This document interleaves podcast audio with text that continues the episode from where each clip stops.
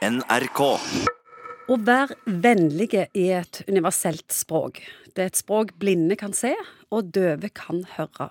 Men den type vennlighet jeg snakker om, må ikke forveksles med høflighet. Har du tenkt over det om du er en vennlig person, og hva konsekvenser det får å utvise genuin vennlighet? Psykolog Egon Hagen, hvordan vil du beskrive genuin vennlighet? Det er et stort spørsmål. Ja, det er et stort spørsmål.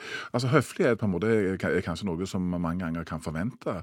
Og så er det desto mer overraskende tror jeg, hvis du opplever et menneske som du opplever er genuint vennlig. Altså, Det har noe med ikke bare hva som kommer ut av munnen, det handler ikke bare om frasene, om det du sier, men det handler faktisk om at du greier å formidle av hele deg at du har en, ja, kanskje en omsorg eller en empati eller en, en djupere interesse for den andre personen. egentlig. Og det er ganske avvæpnende, syns jeg. Det er ikke mange som framstår som utprega vennlige. Nei, vi er jo kanskje litt sånn oppjaga av tid, og vi er drevne av sine egne agendaer. Men, så, men så innimellom oss så møter du liksom det der smilet, eller det der, eh, ja, det der ansiktet som har noe i, i seg som er mer enn bare denne høfligheten. Og jeg tenker at eh, Mange ganger har snakket med kolleger om hvordan skal man møte folk og alt dette, så mange av disse helt sånn grunnleggende tingene som det å være vennlige, må vi aldri glemme. For det, det, det er et enormt sterkt uttrykk egentlig, som, som ja, åpner mange dører, for å si det sånn.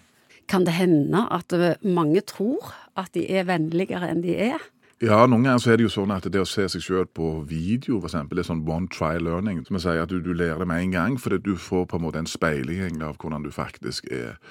Jeg husker På psykologskolen så kan vi høre sjøl på båndet etterpå, og da hører du plutselig ting som du tenker hvorfor i all verden tidde du ikke stille der, og hvorfor var du så på og, Hvorfor lytta du ikke bedre? Lytta det bedre og alt dette. Så det, jeg tror på en måte at det å få en sånn speiling utenfra kan være ganske sterkt faktisk mange ganger.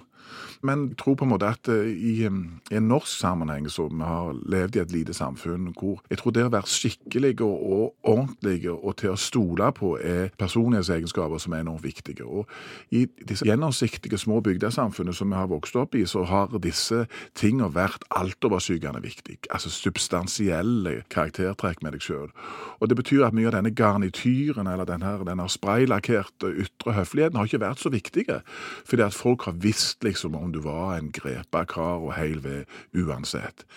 Men i mer fragmenterte samfunn hvor folk møtes kort, kjappere, og du kan ha levd i den samme byen og aldri sett det ansiktet før, så blir disse ytre artefaktene som, som høflighet og, og de frasene desto viktigere. Vi er jo uenige at denne genuine vennligheten selvfølgelig er enormt sterk og enormt virkningsfull. Men samtidig så er det på en måte som en glideskala fra den vennligheten og via høflighet. Og ingenting er verre når folk mister høfligheten. Høflighet er på en måte sånn et sosialt sikkerhetsnett. Om du er trøtt og uopplagt og kjenner at det ikke er dagen din, og egentlig så har du bare lyst til å frese til hele verden, så hjelper høfligheten oss til å komme gjennom en del situasjoner. Og alle delene er på en måte like viktige.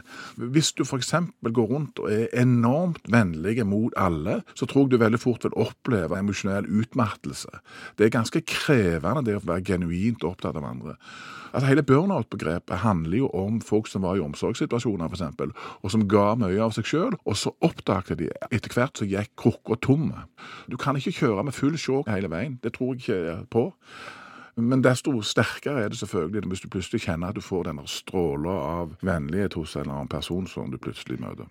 NRK.